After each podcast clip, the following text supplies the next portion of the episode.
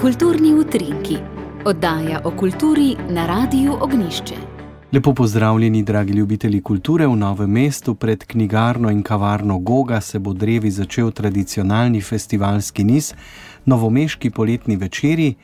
Do konca meseca avgusta se bodo ob četrtkih zvrstili literarni večeri, druge dni v tednu pa predstave in druge prireditve.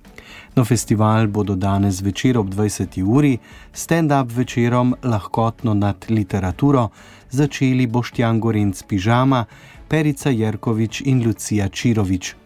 V nadaljevanju festivala bodo med drugim predstavili tudi najnovejše knjižne izdaje, pripravili ljudkovne predstave in druge prireditve za otroke, pa pogovor ob stoletnici novomeškega nogometa in sodelovanjem organizatorjev festivala Novomeško poletje, tudi koncertni večer treh izvajalcev skupin Luto in Parliament ter Andreja Barbiča Krta. Festival pripravlja novomeška založba Goga, vstopnine na dogodke pa ni.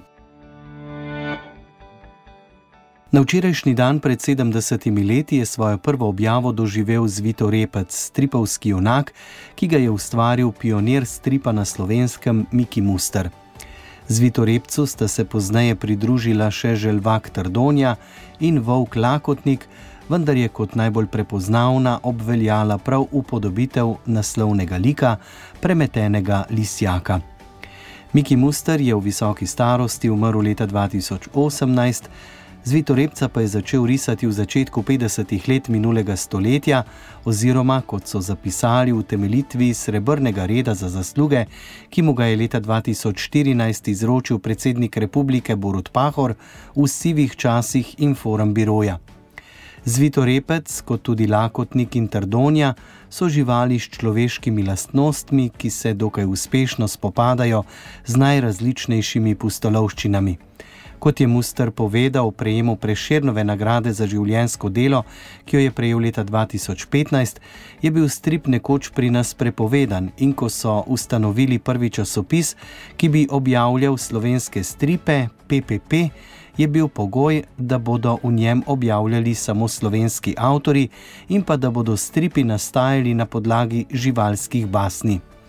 Tako so v mojih prvih stripih nastopali lisica, jazbec, medved in volk.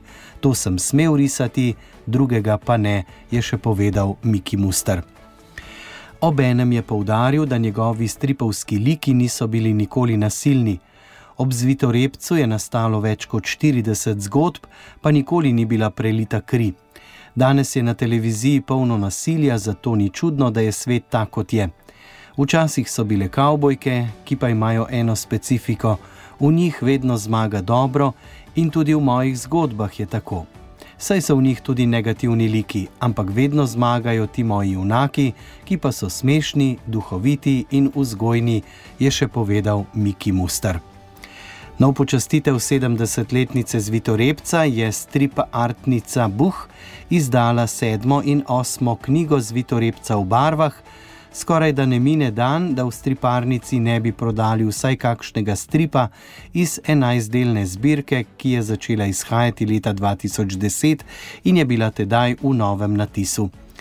Uspešnost izvitorepca, po mnenju poznavalca zgodovine slovenskega stripa Istoka Sitarja, botrujejo intrigantne pustolovske zgodbe z zapletom in razpletom, sočnimi dialogi v zdaj že malce arhajičnem jeziku in pa pestra izbira domišljijskih tem.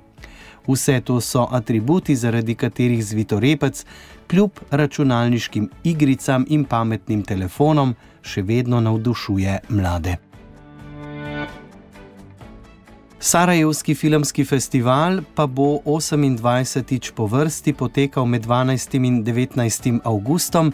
Lani so tam uvedli tekmovanje tudi za televizijske serije, letos pa je v ta sklop uvrščenih 17 serij iz Bosne in Hercegovine, Hrvaške, Srbije, Črne Gore, Severne Makedonije, Kosova in Slovenije. Za nagrado Srce Sarajeva sta iz Slovenije nominirana Leninov park in Dolina Rož.